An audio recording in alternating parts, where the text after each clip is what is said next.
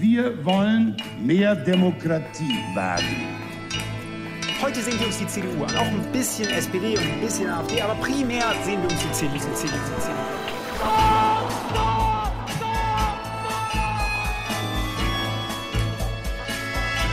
Niemand hat die Absicht, eine Mauer zu errichten. Ich weiß, ich habe heute Morgen in den Spiegel geguckt und dachte, wer ist denn die Hotte Bitch? Werden schon in wenigen Jahren blühende Landschaften, blühende Landschaften geworden sein. Früher waren wir Lametta. Wir haben so vieles geschafft, wir schaffen das.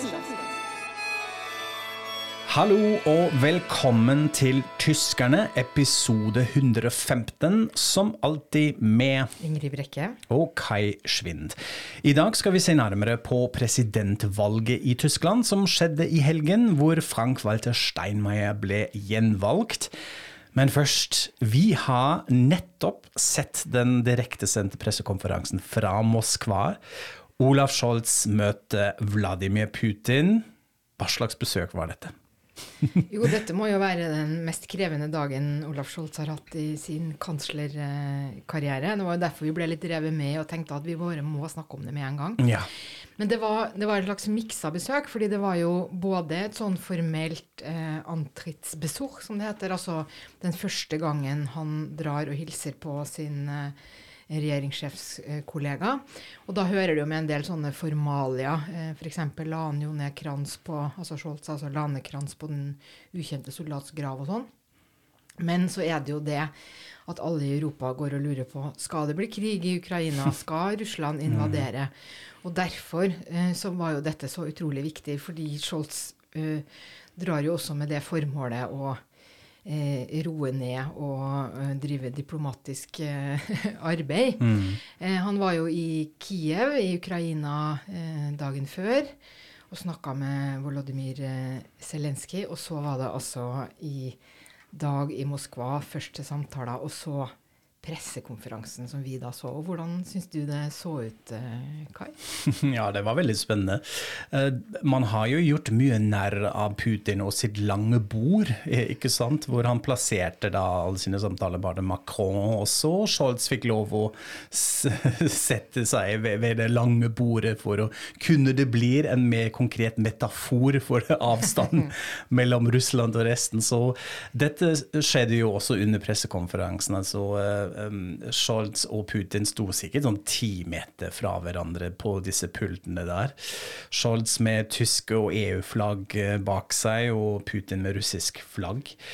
Så man har en rar stemning egentlig med en gang, og det var litt sånn mellom den. Det var, var ganske isete, vil jeg si. Så syns jeg det var litt interessant å observere Scholz, eh, som har jo virkelig eh, et rykte for å være en ganske kjedelig teknokrat i sitt opptreden. Han har jo fått kallenavnet Scholz-o-mat nå i tyske medier, altså en sånn Scholz-robot. Men her syns jeg han virker jo rolig, men så også nesten litt rampete for å være Scholz, eh, i måten han snakker, og litt mer sånn animert eh, i måten han eh, snakker på, mens eh, Putin var sitt gode, gamle sure selv, vil jeg si. Himla litt med øynene iblant. Eh, og det virker som sagt som det var en viss temperatur mellom dem. Er du enig? Syns du det sånn òg? Ja, altså jeg syns jo også det er verdt å nevne en eh, litt uh, pussig episode, kanskje, som skjedde da uh, Scholz landa med flyet sitt. eh, hvor uh, russerne kom og skulle ta sånn PCR-test av han, og hvor han nekta, og hadde da med seg sin egen lege. Eh, og ville ta PCR-testen inn i flyet, og, og ønska velkommen russerne kunne bli med inn og se på hvis de ville. da, Det ville de jo ikke. Ja. Men det setter jo en slags tone eh, når det begynner eh, sånn som det. Og man er jo på hver sin side av en, en konflikt, og det er en utrolig komplisert oppgave å skulle eh, snakke. Eh, sånn at jeg, jeg tenker også at eh, tatt i betraktning at Scholz enda er såpass uerfaren som, som kansler, så tenker jeg at han klarte seg ganske bra. Og han så jo ikke stressa ut. Mhm. Um, men det er jo også sånn når pressekonferansen begynte, så var det jo mye sånn Det var snakk om kulturelt samarbeid og hydrogen og energi. Altså veldig sånn nå skal vi late som det er litt vanlig, eller det er jo på en måte også nettopp det, det, disse formalitetene rundt, mens alle bare sitter og venter. Hva, hva skal de si om Blir det krig, eller blir det ikke krig, eller Ja. Og så kom man vel kanskje ikke så mye nærmere eh, noe av det. Men eh, det ble nå i hvert fall noe sånn eh, når de var ferdig, så kom det jo eh, med si, altså, Først så holder eh, Putin et innlegg, eller en slags konklusjon, Ja. eller en, en, et statement på godt norsk. Og så gjør Scholz det samme, og så er det spørsmål fra journalister. Og, og svarene på de spørsmålene, der snakka de vel mer om det vi alle satt og, og venta på. Mm, ja, og da ble det litt, litt interessant, fordi da kom kanskje de ulike tolkningene av fasiten frem, ikke sant? hva de nå egentlig mener. Og da syns jeg igjen begynte det å bli litt eh, temperatur. Og da syns jeg var jeg igjen overrasket over retorikken til Scholz, egentlig på en positiv måte. Altså Man husker det ikke så lenge siden Scholz var hos Biden. Eh, president Biden og blir nesten sånn degradert. Uh, overlot alt til Biden, egentlig. Nevnte ikke Nord Stream, alt det det, var der. veldig rar sjanse. Ja. Det var akkurat som Nord Stream, altså den gassrørledningen. Det var akkurat som det var sånn magisk ord som man ikke kunne si. Ikke sant? Ja. Mens alle spurte. Ja, og alle var kjemperart. opptatt av det, så Ja. det var litt sånn rart. Og her gikk han, følte jeg, veldig rett på. Mest kanskje sånn ideologisk preget på en positiv måte med å påpeke ansvaret vi som statsledere har for å beholde roen og for å klare oss å ikke la konflikten eskalere. Og da kom det en sånn liten ting som jeg reagerte veldig på. Da han plutselig sier nettopp det. Det er vår plikt som statsoverhode eh, å ikke gå inn i krigen. Og på tysk sa han da det er unsere verdammte Pflicht, eine kriegerische Eskalation zu verhindern. Altså han banna. Ja. God damn obligation. Jeg vet ikke hvor man sier det på norsk. Fordamt Nei, hva sier man det? Ja, man kan si vår fordømte plikt. Fordømte plikt. Men jeg tror det, er litt, det høres litt stygg, eller grovere ut. Ja, sånn tysk, jævla kanskje. plikt og Ja. nesten. Så dette var veldig, veldig interessant. Eh, Putin tok ikke helt eh, ballen der. Han, han fortsatte med i sin stil, men dette var kanskje også et slags budskap hjemme til pressen i Tyskland. ikke sant? Ja, nei, og det er jo også litt det som Nå har vi jo nettopp sett dette, og nå får vi jo se litt hva de som eh, Og alle kremlologer og sånn, hvordan de tolker Ja, eh, det sånn. dette møtet. Men eh, det er vel ikke noen grunn til å tro at man kom noe spesielt mye videre, at eh, nå er invasjonen avverga, eller at noe som helst har blitt noe spesielt mye klarere. Eh, det kom ikke noen En sånn måte som jeg alltid måler temperatur eh, på, er jo at jeg abonnerer på sånne ilmeldinger på masse forskjellige eh, nyhetsmedier, og det kom egentlig ikke noe særlig. Og det er et tegn på at det ikke ble sagt noe. kom en på NTB som var sånn eh, at Putin sier at vi ikke ønsker krig. Og det har jo han sagt eh, hele tida, at, vi- at ikke de ønsker krig, så det er vanskelig å helt se at det skal bety så mye. Men hvis jeg skal nå våge meg på en liten sånn hva som jeg syns var spesielt interessant, så var det jo at denne Minsk-avtalen, altså avtalen som ble eh, inngått i et forsøk på å få til noe fredelig samarbeid etter at eh, Russland hadde annektert Krim, der eh, den var veldig mye tematisert. Og jeg tenkte at ok, kanskje er det litt sånn nå at Putin mer gir opp den konfrontasjonen med USA og trekker det hele litt mer i Europa. fordi at hvis man skal snakke i dette Minsk-formatet, det er jo da eh, Tyskland, eh, OSSE, eh, Russland og Ukraina. Ja. Eh, så vidt jeg husker. Sånn at det er i hvert fall, Da er man i Europa, Europa igjen. Og det kan jo hende at, at det er et slags tegn på at det går over i hvert fall i en annen fase, og, og, og kanskje det går bra denne gangen. Ja, ikke sant? Jeg syns det er en smart observasjon. Og siden vi er så dagsaktuelt, må vi også kanskje nevne at det ble nå noen av troppene trukket fra Putin, eh, fra grensene, eh, som kan jo være en tegn. Jeg så litt nå før vi gikk inn i studio her, at eh, en kommentator i Die Welt kommenterte nettopp det i en annen retning. Han sa ikke at dette kan være tegn for deeskalasjon, men det er nå den farligste fasen. Når russerne begynner å, å trukke de troppene, så skjer det noe annet. Så hvem vet? Eh, Vi vet ikke, ikke helt. Vi skal eh, følge med. Dette er jo det store dramaet som nå pågår i Europa, og vi skal eh, snakke mer om forholdet mellom Tyskland og Russland senere. Men nå syns jeg må vi ta et kutt. Nå blir vi litt revet med her som dagsaktuelle journalister. Nå skal vi snakke om noe litt enklere. Trofaste lyttere vet jo hvem Frank-Walter Steinmeier er, nemlig Tysklands president, såkalte bundespresident. Og de fleste vet også at som statsoverhode har presidenten hovedsakelig representative ansvar, en, en representativ funksjon. Han velges hvert femte år, og dette skjedde nå nettopp igjen i helgen. Du har fulgt med, Ingrid. Hvordan gikk det? Jo, nei, dette satt jeg og kosa meg med på søndag. Det ble jo sendt timevis eh, direkte på, på tysk TV. Og eh, det er jo eh, Hvis han nå blir sittende ut sin neste periode, altså i ti år til sammen, så han, blir han den første siden Weizsäcker, som da gikk av i 94, som sitter i ti år. Så det har jo vært hyppigere skifter eh, av mange grunner vi ikke trenger å rippe opp i her. Men, men eh, det er jo en veldig høytidelig eh, og veldig spesiell anledning. Og jeg tenkte jeg skulle bare først si hvem det er som velger han. For nå har jo jeg eh, studert litt disse forskjellige, dette politiske systemet i Tyskland og, og lært meg at eh, valgorganet heter Bundesversammlung. Riktig. Og de, de har som sin eneste oppgave å velge presidenten.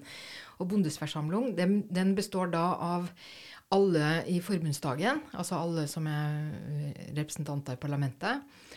Og så sender delstatsparlamentene eh, sine representanter, som da til sammen blir like mange som de som sitter i, i forbundsdagen. Sånn at det er på en måte halvparten nasjonale og halvparten delstat. Ja.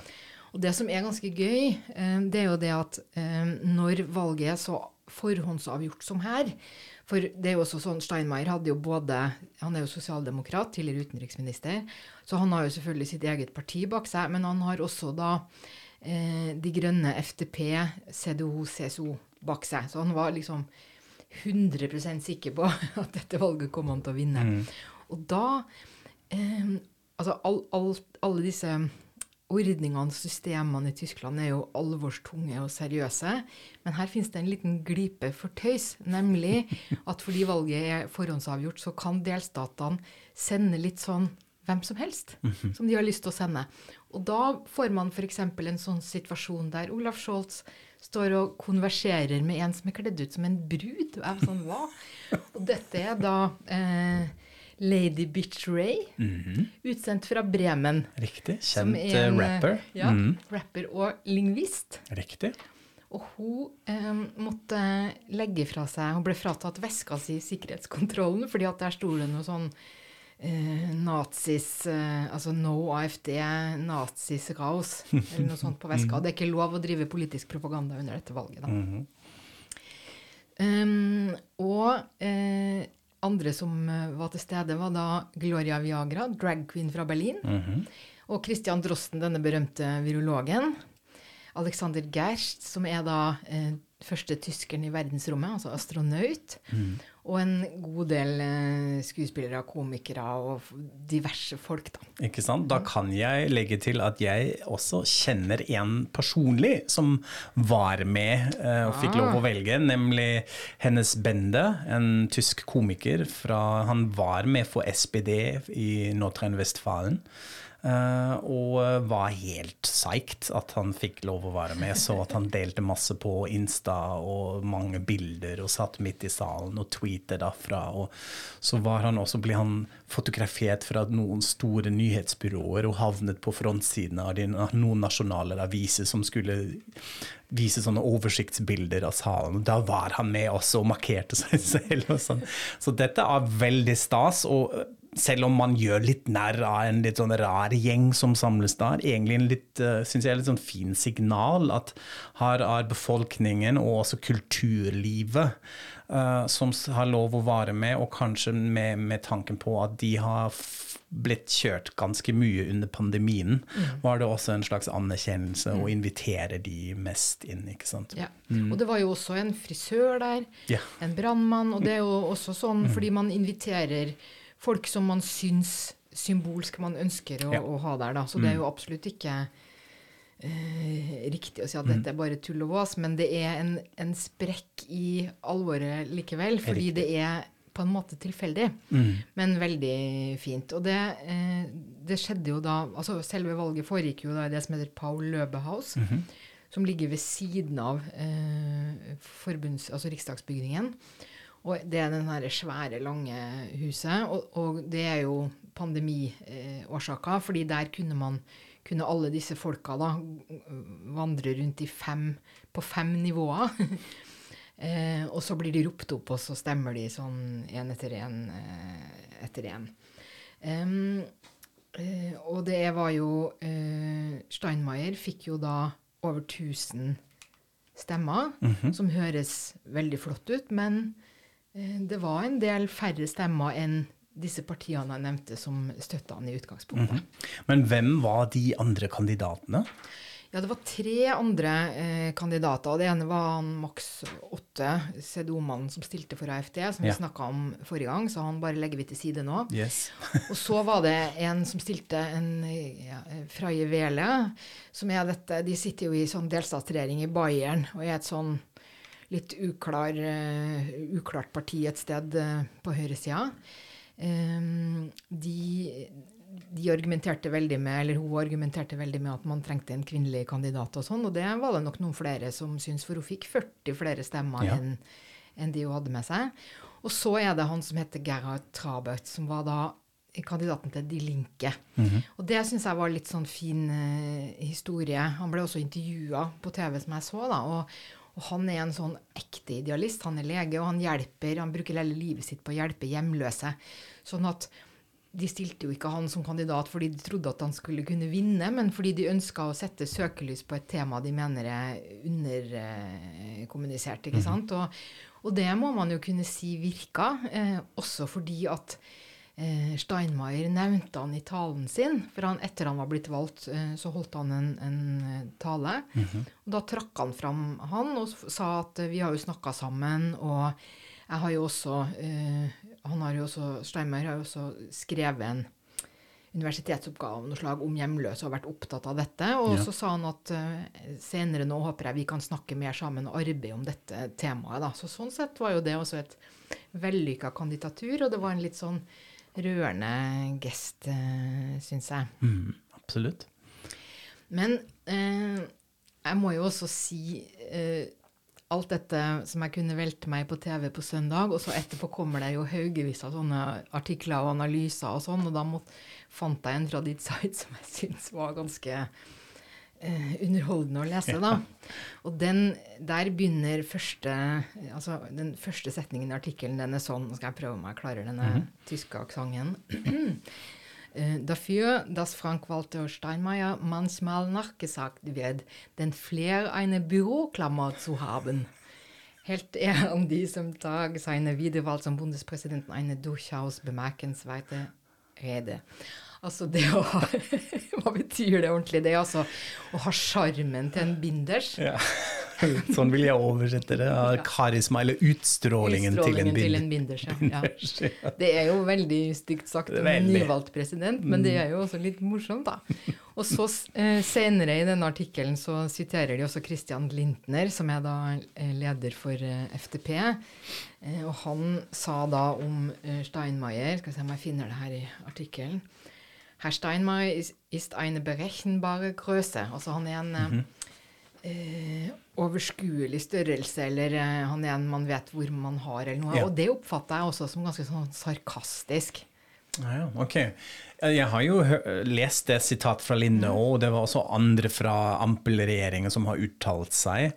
Eh, Jeg oppfatter ikke det så, så ironisk Nei. eller sånn snarky som du har nå. Altså, dette har jo kanskje også litt med funksjonen til presidenten å gjøre, og den situasjonen vi er i. Altså Man vil helst ha en president som står for stabilitet i egentlig ganske urolige tider, og de har jo også ofte funksjonen av å ha en litt sånn forsonende funksjon. De skal samle befolkning, de uh, uttaler seg om ulike sånn samfunnsetiske temaer, de holder store taler som får mye oppmerksomhet, som ofte har litt sånn moralsk preg eget. De skal symbolisere et moralsk ansvar som landet har, og har denne samlende funksjonen. Så jeg tror det kan også forstås at det er at man er glad for at man har en sånn stabil funksjon her. Selv om de er jo også preget, de er jo også partipolitikere, de har jo en førhistorie, ikke sant. Så eh, det, det er sikkert litt tvetydig ment, men her, akkurat her, i det klimaet vi er i akkurat nå, så, så tolker jeg det ikke så ironisk. Ja, det ville jo vært mye verre eh, hvis man hadde hatt en totalt uh, uforutsigbar uh, president. Ja, sånn løs kanon i Slåss Bellevue, hvor ja. han holder til. ja. Og det hører jo veldig med når vi skal snakke om Steinmeier og si at 85% av tyskerne syns han gjør en god jobb. Og det er jo kjempeviktig for en president at han har den samlende funksjonen, og det har virkelig Steinmeier. Absolutt. Og så må vi jo nevne her at vi faktisk har opplevd han fra nært hold. Uh, han var jo her i Norge i en hel dag uh, i høsten i fjor, ikke sant? Ja, jeg mm. hang jo på som Aftenposten-journalist og ja. var med på Utøya.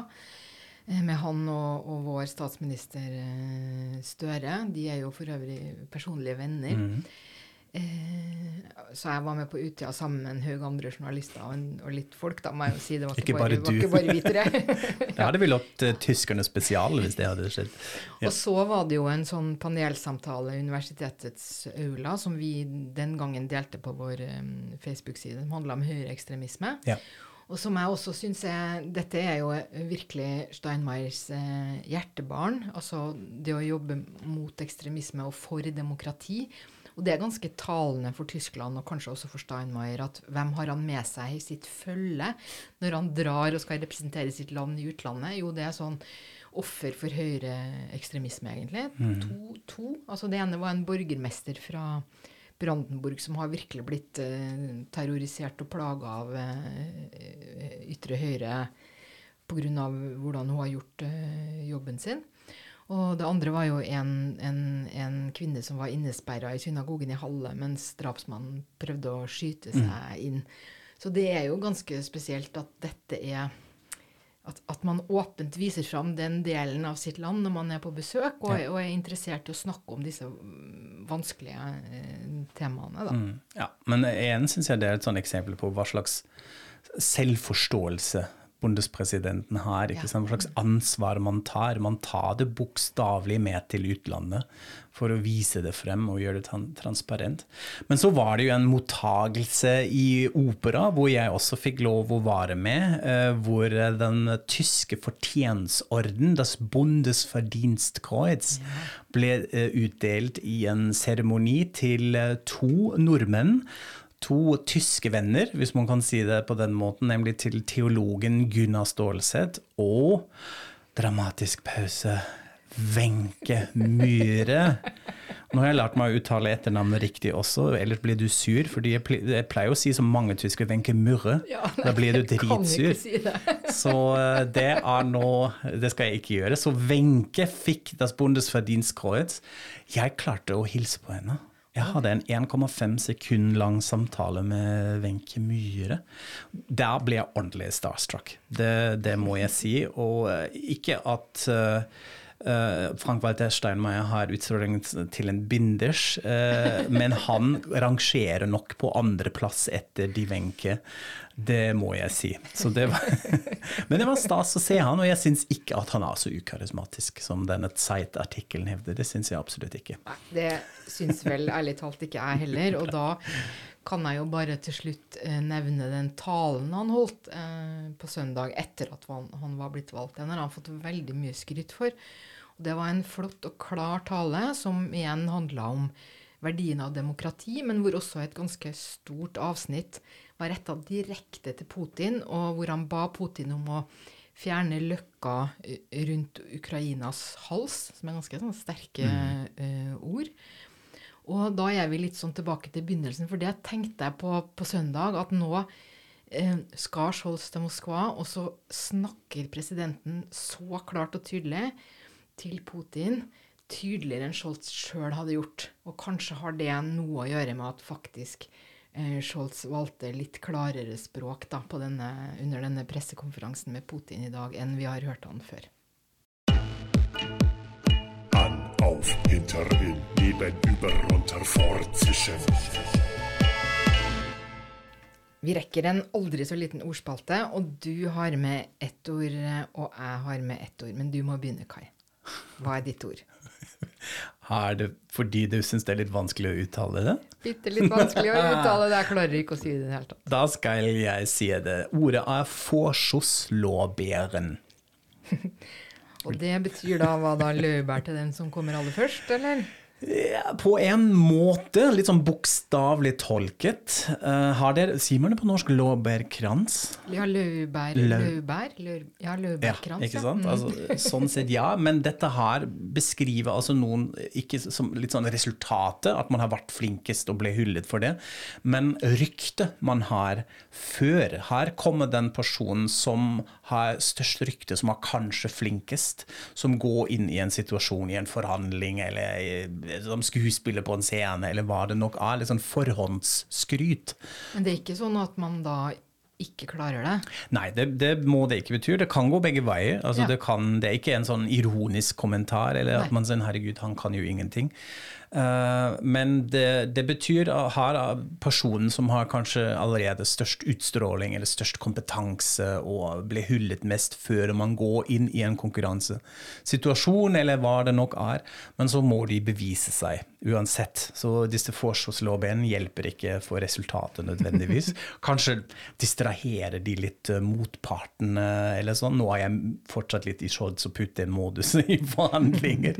Vet ikke hvem av de to har hatt, hadde hatt forsvarslårben der. Det kommer vel litt an på sidene. Men det er det det er. Så det er ikke nødvendigvis eh, Det betyr ikke en eh, førsteplassmedalje, men det er mest det som skjer før. Nå ser jeg i planen og er veldig spent på ordet ditt, Ingrid, fordi jeg har aldri hørt dette før, selv om det er et tysk ord. Jeg vet ikke hva det er. Nå er jeg veldig spent. Aldi Sterbehilfe. Har du ikke hørt det? Nei, Aldi Sterbehilfe. Ja. Hva Aldi? De fleste kjenner jo det. Ja, altså dagligvarebutikken. Nei, altså jeg må innrømme at jeg, jeg hørte dette av en, av en uh, venninne, og jeg trodde at det var sånn uh, familieord. Du vet, man har i familie og slekter, og sånn, så har man noen ord man på en måte finner på og, og bruker bare som internt, da. Men jeg googla for sikkerhets skyld, og det er et ord som fins, altså i hvert fall på Google. Ja. Så det er litt større enn denne ene familien, men tydeligvis ikke stort nok til at alle Nei. tyskere kjenner det, da. Ja. Men det det betyr, det er jo det, den billigste, grusomste alkoholen du får kjøpt på Aldi. Okay. Så det er den dårligste kokevinen til to euro, eller, eller sånn øl som bare er skvip. Det er da aldri Sterbhilfe. Fordi Sterbehilfe er litt sånn Dødshjelp. dødshjelp. Ja. Aldri død. Veldig bra. Et konsept som ikke er kjent i Norge. Hovedsakelig pga. prisene, fordi alkohol er så Ja, vi har jo vinmonopol. De serverer jo, serverer jo ikke skvip på vinmonopol heller, da. Nei. Nei, det er sant. Veldig bra. Ok, alle de Sterbehilfe, det skal vi nå ikke kjøpe når vi runder av. Men vi gjør det nå. Men før vi runder av, eh, vil vi takke Fritt Ord. Fordi vi har fått eh, støtte også i år for å kunne fortsette arbeidet vårt med tyskerne, og dette ble vi veldig takknemlige for. Ja, tusen takk, Fritt Ord. Absolutt, veldig bra. Vi skal ikke bruke pengene til eh, Aldi Staubehelfe, har vi bestemt oss til, det lover vi, ellers blir det ikke noen flere episoder. Men vi er straks tilbake. Eh, Følg med på Facebook og Instagram, så høres vi igjen, eller på tysk Auf Wiederhören. Auf Wiedersehen.